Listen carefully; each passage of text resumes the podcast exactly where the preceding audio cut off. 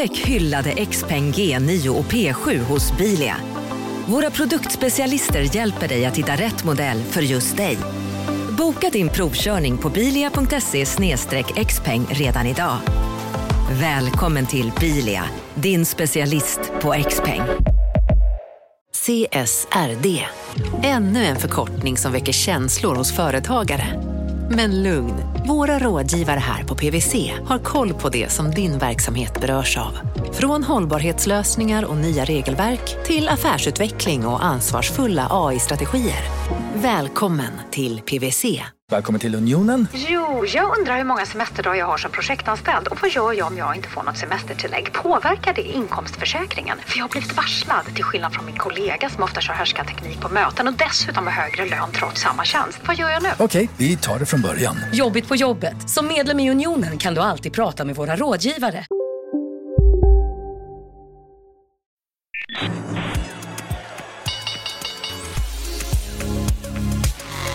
Det här är Affärsvärlden med Helene Rådstein.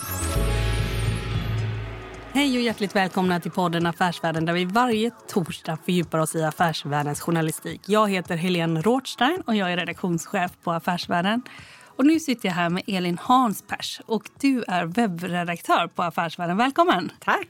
Vi har ju ett massivt digitalt nummer där vi går igenom de största familjesfärerna eller liksom maktfamiljer som vi har. Wallenbergarna, vi har Latour, vi har Körling och vi har Stenbecksfären och eh, allting. Vad kan vi säga om det här numret? Ja, det är väldigt kul för att i och med att det, att det är ett digitalt nummer så har vi kunnat få in så väldigt mycket matigt i det. Det är ett, ett stort nummer med en gedigen granskning eh, av, de, eh, ja, av Sveriges största ägarfamiljer. Ja, och man kan väl säga liksom att eh, det som står tydligt om man tittar på börsvärde och sådär, det är att Wallenbergsfären det är den största vinnaren på börsen under 2000-talet om man ser till börsvärde. Ja, 2010-talet. Ja, 2010-talet. Herregud. Ja, vi skulle ju gått ännu längre tillbaka, eller hur? Ja.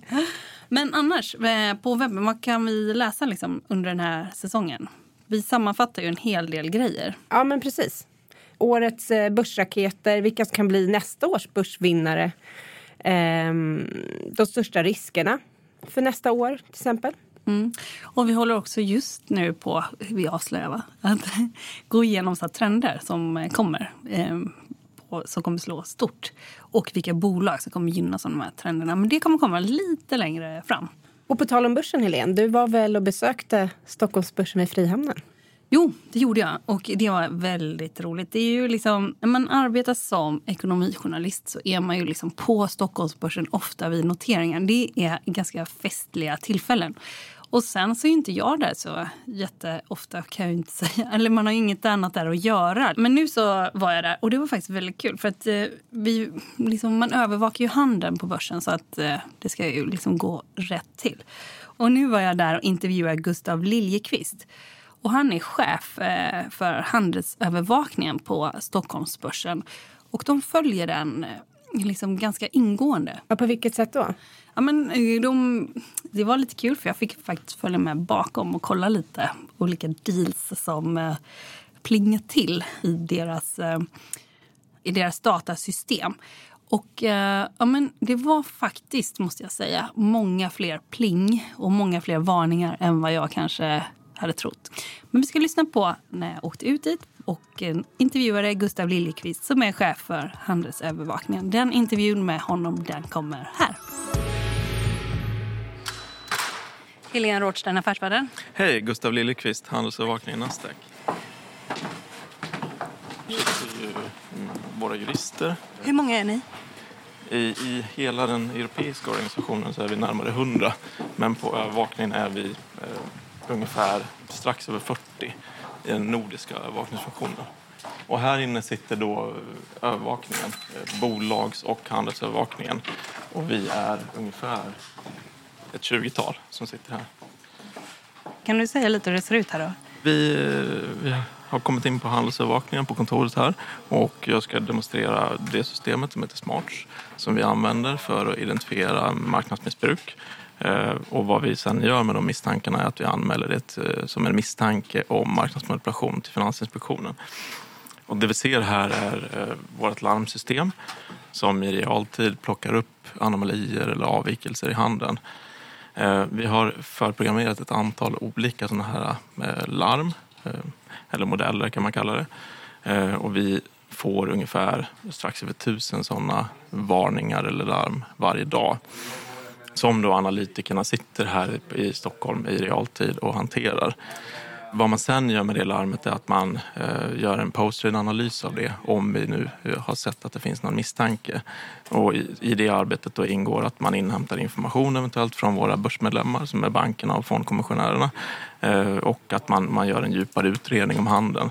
Och sen sätter man ihop det till, eh, till en anmälan som vi skickar till Finansinspektionen som är en misstanke om manipulation. Tusen, det låter ju ändå mycket. Tusen är väldigt mycket, men, men av dem, det, det blir lite som en trattformation. Av de här tusen varningarna per dag så är det ungefär 5% av dem som vi gör en djupare analys av. Så 95% kan vi lätt förklara av att det kanske har varit en prisrörelse av någon anledning eller att eh, det är turbulent på marknaden. Eh, och sen av de här 5 procenten så är det ännu en mindre liten del som går vidare som en manipulationsmisstanke eh, till Finansinspektionen. Då. Vi vill fånga så mycket som möjligt. Eh, vi vill inte missa någonting helt enkelt. Och därför har vi väldigt tajta parametrar på, på våra larm. Och hur länge har ni haft det här systemet? Är det något som ökar eller minskar larmen? Alltså systemen, systemet har vi haft så länge jag har varit med, i, i tio år. Så att, och vi hade smarts även innan det. Och larmen ökar, till exempel om vi har en väldigt turbulent dag, när vi hade det här UK-referendum för ett par år sedan, eller när vi hade när Donald Trump blev vald som president, så var det stora spikar i, i handeln, det var liksom turbulent, eh, stora prisrörelser och då får vi naturligtvis fler larm. Vi försöker hela tiden göra de här larmen mycket smartare och bättre för att vi har lagt in till exempel betavärden i våra prislarm för att vi vill inte se saker som lätt kan förklaras av att ja, men index är upp 2 Det är inte konstigt att Ericsson är upp 3% Men det vi, vill, det vi försöker göra med larmen är att göra dem smartare men det går liksom inte att skydda sig 100% mot alla oförutsedda händelser. Så att i en perfekt värld skulle vi bara få larm på det som är manipulation som vi sen skickar vidare till Finansinspektionen. Men dit dit kommer man nog aldrig att komma utan man behöver ha en, en riskbaserad approach där man får in en större bulklarm och sen får analytikerna i gruppen dra slutsatser utifrån det och inhämta mer information innan man kan fatta, innan man har hela bilden av vad som har hänt och sen fatta ett beslut utifrån det. Men eh, en debatt som är ganska vanlig det är ju att liksom, vad det gäller manipulation så är det ju så här att den liksom massiva handeln eller robothandel, de liksom, där är det aldrig någon som liksom fälls för manipulation. Men det är många så mindre aktörer som åker dit för manipulation. Liksom, hur ser du på det? Första slutsatsen som man kan dra är väl att det är betydligt fler mindre eh, än vad det är eh, robothandlare. Så att aktörerna, du har en betydligt större massa vad gäller till exempel retailkunder. Jag tror vi har över en miljon i Sverige. Och vi har inte en miljon eh, robothandlare. Så att eh, bara det förklarar att det finns en större risk för manipulation i en större massa. Och nummer två är ju att eh, det är betydligt lättare att manipulera mindre likvida orderböcker. Till exempel de här sanktionerna vi sett från FI om enpetar-case som det kallas. Då. Kortfattat kan man väl säga att det är att man när man otillbörligen flyttar ett aktiepris eh, med en mindre volym när syftet egentligen är något annat. Inte för att man vill handla en eller tio aktier utan för att man kanske ligger på säljsidan med en större volym eller att man vill ge vilseledande signaler om prisbildningen i den aktien. Kortfattat. Och i i mindre likvida orderböcker så finns det en, en, en det är lättare med mindre medel att flytta aktiepriset och det är lättare att genomföra manipulation. Och om man säger så här, robothandlarna kom ju till för att den europeiska, eh, de europeiska regelverken förändrades och att vi har haft en teknisk utveckling som har möjliggjort det. Och robothandlarna framför allt handlar ju arbitrage mellan olika marknadsplatser. Sen finns det en mängd olika arbitrage. Såklart de använder sig av algoritmer och statistiska arbitrage. Men vi ser betydligt fler fall av misstänkt eh, manipulation eh, från mindre kunder än vad vi gör från eh, robothandlare. Och det återkommer till det första jag sa egentligen, att det finns en betydligt större massa. Så att det är inte konstigt att det, att det skiljer sig. Men vi har sett exempel på, och vi har anmält misstankar om manipulation på robothandlare eller på, eh, på den typen av institut som kanske gemene man ser som en robothandlare. Hur är det när det är en ny notering, när ett bolag noteras? Är det extra noga med manipulation eller här ser vi upp när det är manipulation? Nej, det skulle jag inte säga vid en IPO. Däremot så har man ju ingen historik vid en IPO. Så att det, det blir svårare att bedöma en korrekt prisbildning. Men då har man ju alltid IPO-kursen som man kan eh, som man kan falla tillbaka på eh, och jämföra med. Men, men eh, de manipulativa beteendena dyker inte upp just bara för att det är en IPO eller att det är något annat typ av tillfälle. Däremot kan man väl se vid till exempel månadsskiften, slutet av året, kvartalsskiften. Det är ju känsliga tidpunkter. Alltså kvartalsrapporter eller menar du överhuvudtaget kvartalsskiften? Nej, till exempel då nu i år, 13 december, är ju ett sånt där klassiskt datum eh, då eh, personer eventuellt skulle vilja flytta en stängningskurs för att få en fond att se bättre ut eller för att få sin egen depå att se bättre ut eller man kanske är med i någon aktietävling eller någonting. Så det är såna här känsliga tidpunkter som vi alltid punktmarkerar extra eh, vid stängning då eh, för att det är väldigt de de avsluten som sker där och de priserna som fastställs är väldigt känsliga och är informationsbärare och används i många olika, på många olika ställen. Du lyssnar på Affärsvärlden med Helene Rådstein. Marknaden sponsras av SPP, pensionsbolaget. Eh, förra gången pratade vi lite om ITP och som en kort repetition så, så var det ju 70-tal, arbetsmarknadens parter bestämde att alla tjänstemän ska ha en tjänstepension. Man kom överens om vilka villkor som ska gälla i den här pensionen och så kallade man den för ITP. Så jobbar man idag som tjänsteman i ett företag med kollektivavtal, då har man förmodligen den här pensionen, ITP-pensionen. Eh, och det är ju så att man kan påverka eh, den här pensionen, hur den är placerad. Vart femte år så gör nämligen Collectum, som de heter, en enorm upphandling där olika pensionsbolag kan ansöka om att få förvalta eh, de här pensionerna. Och SPP är ett av bolagen som valdes ut i den senaste upphandlingen. Och sen kan du som pensionssparare välja eh, vilket av de här olika pensionsbolagen som, som då ska få ta hand om dina pengar. Och tanken med den här upphandlingen är ju att liksom kvalitetssäkra de här olika alternativen eh, men också att förhandla fram stora rabatter så att pensionsspararna ska få ja, kunna spara pengar genom att avgifterna eh, som är så viktiga eh, blir eh, lägre.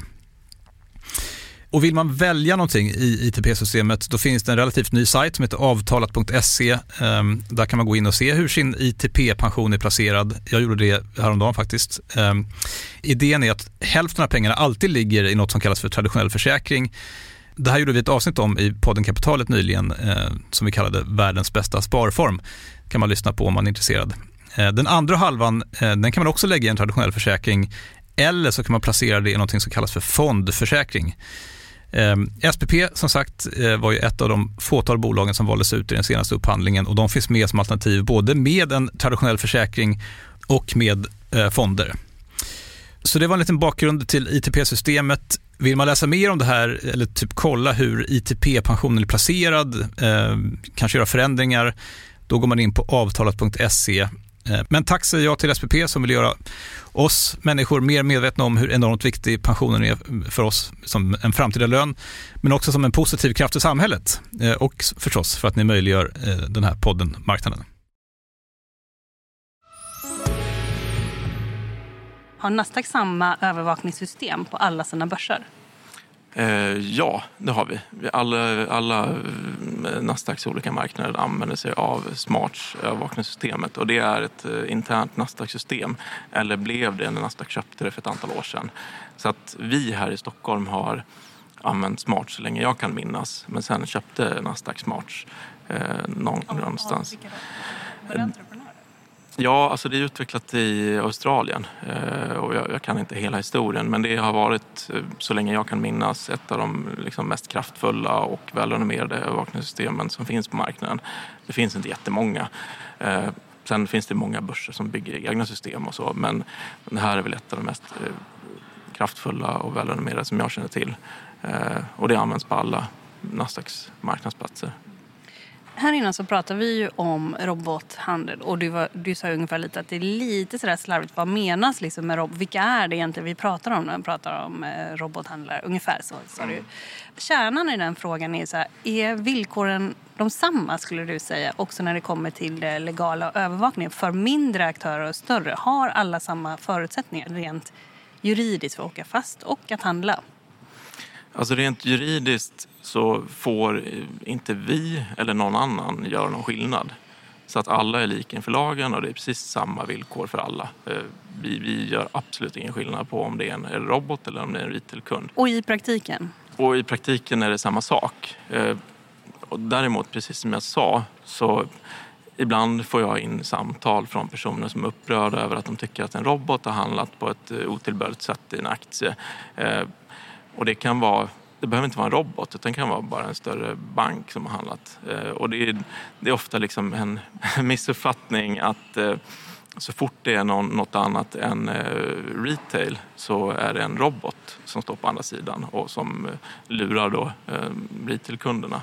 Och så är det sällan. När jag tittar, sen tittar på handeln så är det det kan vara vilken kund som helst egentligen som har då använt sig av en, en av de här större bankerna eh, till exempel då, eh, för att handla aktier. Och det är inte alls en robot som står bakom. Det kan vara en algoritm eller någonting som, som banken har utvecklat och använder för, för sina kunder.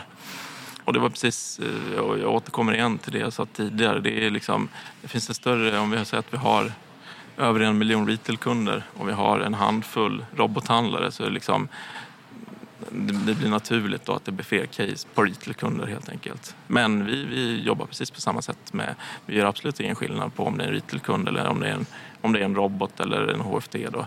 Utan det är samma egentligen kan man säga att också att det är samma typer av beteendemönster. Alltså manipulationerna kan se lika, likadana ut men det är såklart i, i en större omfattning om det är en robot. För det är ofta då fler transaktioner och fler ordrar den här nya regleringen MAR tycker jag man hör lite överallt. Ehm, vad får det för konsekvenser för er, för eh, övervakningen?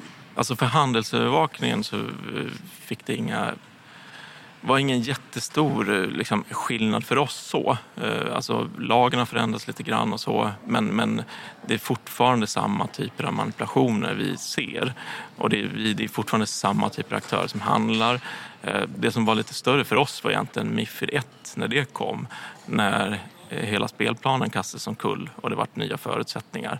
Och sen också med Mifid 2 som ställde högre krav på på eh, börsen och på våra handelsmedlemmar om till exempel pre-trade-kontroller och så som har gjort marknaden bättre och mer effektiv.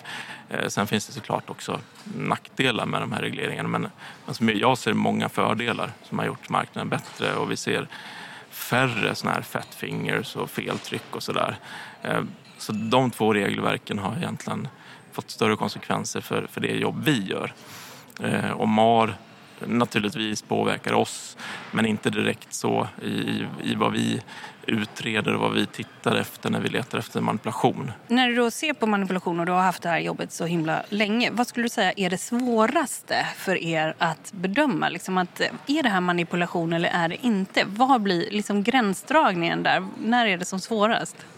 Många gånger är det väldigt tydligt att det här, alltså syftet med den här handeln var inte att man ville köpa en aktie eller det var inte att man eh, ville göra si och så utan syftet var något helt annat.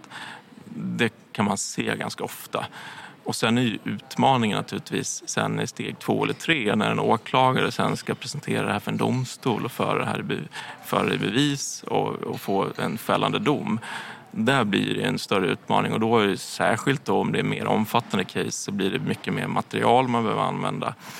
Och man behöver liksom pedagogiskt kunna förklara för domstolen varför är det här otillbörligt, varför är det manipulation?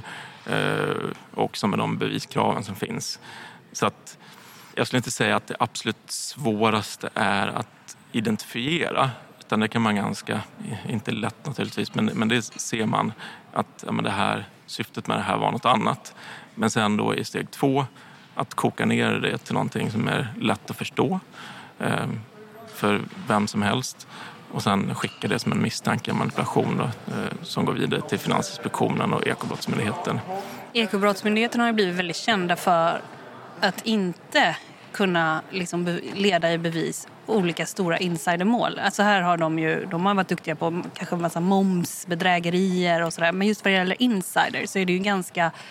Det blir ju inte så många fällande domar. Kan du förstå det? Ja, det kan jag göra. Eh, och det är ju väldigt, väldigt svårt. För beviskraven är ju höga eh, naturligtvis. Så det, det finns säkert, om du pratar med Ekobrottsmyndigheten så får du säkert en önskelista på vad de skulle vilja se för förändringar för att det här skulle bli mer bättre och effektivt. Men om man jämför e- europeiskt eller eh, globalt så skulle jag säga, nu, jag har inte all statistik eh, framför mig, men eh, min uppfattning i alla fall är att Sverige är eller Ekobrottsmyndigheten i Sverige är eh, väldigt duktiga på de här typerna av case. Och de har till exempel tvångsmedel. De får konfiskera och ta in datorer och sådär och, och liksom använda i, i bevis, som bevisning. Eh, jag, är egentligen, jag är fel person att fråga, det skulle fråga dem. Men eh, jag tycker de eh, gör ett väldigt bra jobb och sen vet jag att det är väldigt tuffa beviskrav och du måste visa att någonting är ställt utom rimligt tvivel för domstolen. Och det är alltid eh, en utmaning att göra det naturligtvis. När det handlar om att du ska förklara eh, att någon har haft information och använt sig den informationen i sitt investeringsbeslut. Naturligtvis väldigt utmanande. När ni ser att någon inom ett enskilt bolag handlar väldigt mycket med aktier och sådär, hajar ni till liksom extra då? För man ser ju nästan, det är ju väldigt ovanligt att folk, liksom insiders, fälls överhuvudtaget för insiderhandel och sådär. Är det något som ni hajar till med här i era system? Ja, absolut. Ungefär hälften av våra anmälningar under förra året var på insiderhandel. Eh, ja, så vi tror vi hade 164 anmälningar, 84 på marknadsmissbruk och 80 på insiderhandel, misstänkt insiderhandel. Och Vi ser många sådana exempel där vi har en misstanke. Men sen är det ju alltid, eh, det är inte alltid att en misstanke stämmer. Det är inte alltid att den är rätt. Utan det kan vara någonting för oss som sticker ut i handen och vi kan inte liksom avvisa den misstanken med ytterligare information utan misstanken kvarstår. Ja, men då måste vi anmäla det som en misstanke, eh, misstanke om manipulation till Finansinspektionen. Även om det sen visar sig att det här var någon som egentligen bara ville köpa den här aktien och hade liksom ingen som helst koppling till bolaget eller inte tillgång till någon typ av information. Men det kan ändå se misstänkt ut. Så att det finns ju många sådana exempel där jag menar, skulle man fälla alla för insiderhandel som har handlat inför en kurspåverkande nyhet, då skulle man inte kunna ha en marknad. Utifrån ditt perspektiv, vad skulle du vilja förändra från politiskt håll eller lagstiftarnas håll för att ditt jobb skulle bli bättre?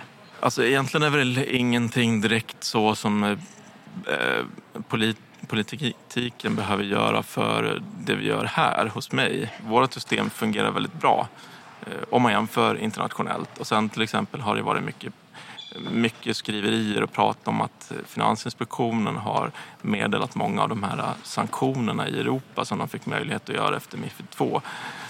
Eh, och det skulle jag bara säga, eller det skulle jag vilja påstå ett kvitto på att vi är effektiva här i Sverige och att vi är duktiga på att identifiera och eh, sanktionera den här typen av manipulation. För om man tittar på de casen så, så är det ganska, det är ganska uppenbart vad syftet har varit. Om man då ser bortom primärhandeln och ser till dark pools, vad skulle du säga är den största utmaningen där? Och vad, vad skulle behöva regleras där? Det är väl, man ser då alltså för och nackdelar med Mifid 1 och Mifid 2 så har ju liksom eh, syftena med de här regelverken varit väldigt goda. Men sen har din, allting inte fallit eh, så väl ut som man kanske hade önskat. Utan då har volymer istället försvunnit in i dark pools när man egentligen ville skapa mer transparens. Och, och vad säger du om det, att det försvinner in i dark pools? Va, va, vad tycker du om det? Alltså, I en perfekt värld så vill man naturligtvis ha all handel i en och samma orderbok. Eh, så att det blir transparent för alla investerare och man kan liksom... Det finns en fullständig bild för alla som handlar aktier. Nu med fragmentering och den här konkurrensutsättningen som blev med Mifid, den har ju haft många det har varit många fördelar och bra saker med det. Det är väl osunt att man har ett monopol på, på aktiehandel utan nu har det blivit en, en konkurrensutsatt marknad. Man tillät plötsligt fler marknadsplatser kan man säga, också mindre marknadsplatser. Det är väl det, eller? Ja precis, eller vilken marknadsplats Eh, eller eh, inte vilken marknadsplats som helst, men andra marknadsplatser fick erbjuda handel i aktier som var noterade på en annan börs. Och det har ju eh, möjliggjort, eller handelsdynamikerna har ju förändrats helt och hållet efter det naturligtvis.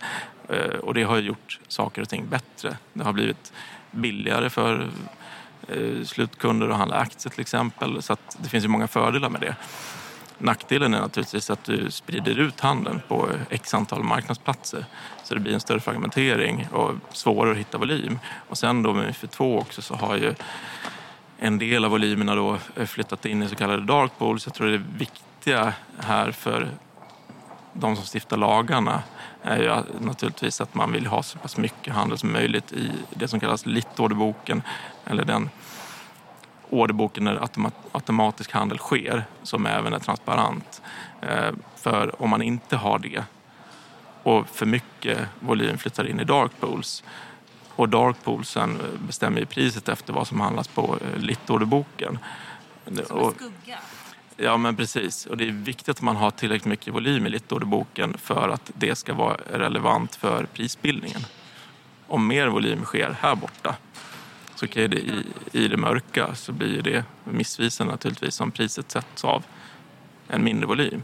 Det är ju naturligtvis viktigt för prisbildningen. Men om man tänker regleringsmässigt om, eh, så blir det ju mer High Chaparral såklart i dark pool-handel, eller? Nej, eh, nödvändigtvis eh, behöver det inte vara så. För dark pool-handel, precis som vi sa då, återspeglar priset som sker i, på primärmarknaden eller littorderboken, den automatiska handeln. Så att för att flytta priset, då måste, eller för att liksom, till exempel att göra en prismanipulation måste du flytta priset på littorderboken för att sen göra din volym i darkorderboken. Och det ser vi då naturligtvis, eh, vi som övervakar handeln i primärmarknaden eller littorderboken. Och till exempel alla som driver en dark pool har ju krav på sig att anmäla misstankar om manipulation och insiderhandel också. Så att ser de en större volym inför ett kursverkande, eh, en kursverkande nyhet så har ju de skyldigheter på sig att eh, anmäla det som en misstanke om insiderhandel. Så att jag skulle absolut inte säga att det på något sätt skulle vara lättare. Det är ju däremot en enklare marknadsmodell så att det finns snarare färre risker med vad du kan göra där gentemot vad du kan göra i en automatiskt handlad orderbok. Du lyssnar på Affärsvärlden med Helene Rådstein.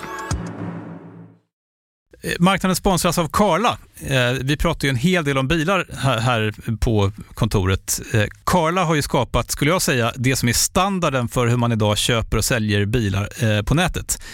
Eh, kort bakgrund bara. Eh, Karla säljer och leasar begagnade elbilar eh, och laddhybrider på karla.se. Alltså en helt eh, digital upplevelse. Och man har gjort det här med ett nästan maniskt fokus på vad en bilköpare faktiskt behöver. Jag gjorde ju en intervju med en av grundarna, Patrik Illerstig, i marknaden här eh, ganska nyligen, eh, daterad 25 mars, om man vill lyssna på den Eh, men där berättar han hur de kom in i det här lite från vänster för att försöka uppfinna hela den här liksom bilköpupplevelsen från början. Och de har idag, vilket är rätt otroligt, 4,8 i betyg eh, på Trustpilot. Jag, jag har sett många företagssidor på Trustpilot, men det här är nog bland eh, det bästa jag någonsin sett faktiskt. Man kan sälja bilen till Karla också. Då går man in på karla.se, delar lite info om bilen, sen får man en gratis värdering och ett bud de hämtar bilen helt gratis i hela Sverige och så har man pengarna på kontot i samma stund som de hämtar bilen. Det är grymt. Eh, så ska du köpa en ny bil eller sälja din gamla, eller båda delar för den delen, gå in på karla.se och eh, kolla. Alltså karla.se och Karla stavas med C. Tack så mycket till Karla. Nu har ju, vad kan klockan vara nu? 10.05. Du har inte suttit vid eh, datorn så länge. Hur många misstänkta fall tror du har kommit in nu? 250. Och vad gör du då när du kommer tillbaka liksom en vanlig dag? Och då, hur funkar det sen? Efter, efter när jag sett larmen, vad, vad händer? Alltså de här larmen bearbetas eller processas i realtid så att analytikerna i gruppen tar emot de här när de kommer och så plockar man upp dem på en gång eh, och gör någon form av åtgärd med dem. Det kan vara precis som jag sa tidigare att man bara förklarar dem av att men det här är något naturligt som händer på grund av att marknaden är upp eller ner x procent. Eh, eller att det finns en, en rimlig förklaring till det här eller så lägger man det då på Postgres som, eh, för vidare utredning. Och sen har vi då ett par personer som är dedikerade till Postgres-uppgifterna som är mer att utreda och sammanställa eh, de här eh, anmälningarna till Finansinspektionen. Så det jag gör när jag kommer tillbaka det är att jag eh, ser över vad som har hänt och pratar med mina kollegor om det, har, om det är något särskilt som, som jag behöver känna till. Och vad är det mest drastiska som ni har gjort, eller som du har fått göra? Det mest drastiska, alltså de, de mest drastiska sakerna vi gör på övervakningen är ju dels att vi fattar beslut om handelsstopp eh, och sen att vi fattar beslut om makulering av transaktioner om en börsmedlem har handlat på helt fel prisnivåer på grund av ett misstag eller någonting. Det är de två mest drastiska sakerna vi gör, eller mest ingripande sakerna vi gör. Eh, det är väldigt sällsynt att vi i realtid kan konstatera att vi ser marknadsmanipulation. Det har vi gjort en gång under mina tio år. Vad var det? Det var när det kom ut ett falskt pressmeddelande om att Samsung skulle lägga ett bud på Fingerprint. Och det här var några år sedan det är väldigt, väldigt sällsynt att man kan i realtid säga att det här är manipulation. Utan det är liksom föregås av en brottsutredning och sen ska det här upp till en domstol eller så ska FI meddela en sanktion. Men det kunde vi faktiskt göra och i det fallet så eh, handelsstoppade vi aktier naturligtvis och makulerade alla transaktioner som hade skett på fel prisnivå. Och sen visade det sig naturligtvis att det här pressmeddelandet var falskt. Hur, hur fattade ni att det var falskt? Dels för att vi fick in det då i vårt larmsystem som plockade upp att det var en större kursförändring. Eh, samtidigt då som också eh, vdn för Fingerprint uppmärksammade att eh, hade sett det här pressmeddelandet och visste om att det här kommer inte från oss. Så att nästan samtidigt så ringde vi till varandra. Och då kunde vi konstatera när vi pratade med vd på Fingerprint att det här är ett falskt pressmeddelande. Då kunde vi snabbt fatta beslut om att stoppa handen för att föregick marknadsmanipulation. Stoppade handeln och makulerade alla transaktioner som hade skett. Och sen handelsstoppa. Det händer ju lite då och då, liksom ser man sådär, också i flödet. Jag vet inte, hur, hur ofta händer det per... Är det en gång i månaden? Eller vad, vad säger du? En gång i veckan kanske, i snitt. Normalt sett är det då för att eh, man, vi ser en, en kursrörelse som inte vi kan förklara. Och om vi gör det så pratar vi då med våra kollegor på bolagsövervakningen som, pratar med bolag, som i sin tur då pratar med bolaget. Och finns det då information i bolaget som inte är offentliggjort och som de bedömer är väsentligt kurspåverkande, så insiderinformation helt enkelt. Det är normalfallet och då fattar vi beslut om handelsstopp och så får bolaget då gå ut med eh, den här informationen så att alla har tillgång till samma typ av information och sen då kan vi återuppta handeln. Så att det är egentligen en misstanke om informationsläckage. Det är väl normalfallet. Om det är sagt behöver det inte betyda att det har läckt information alla gånger. Men eh, misstanke om att eh, den här handeln avviker från vad det är som är normalt. Något som är väldigt hett nu som vi inte vet hur debatten kommer att vara om tio år är ju AI och machine learning. Vad hoppas du har hänt eh, på övervakningen vad gäller det?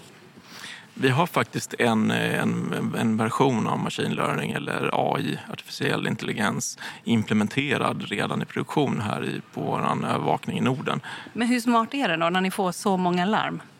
Eh, den är väldigt smart i det ändamålet den används för. Men den, den tar inte bort några larm och den ersätter ingenting. Utan det är ytterligare liksom information till analytikerna för att fatta välgrundade beslut. Det den här versionen gör är att den, den tittar på dels hur vi har eh, analyserat larm tidigare och vad vi har eh, gjort för kommentarer på larm och hur vi har behandlat dem och plockar in en mängd andra olika datapunkter och utifrån det så tar den fram en score eh, från mellan 0 till 1 så kan den tala om då för analytikerna att eh, sannolikheten att du behöver göra någonting med det här larmet är väldigt hög eller den är väldigt låg.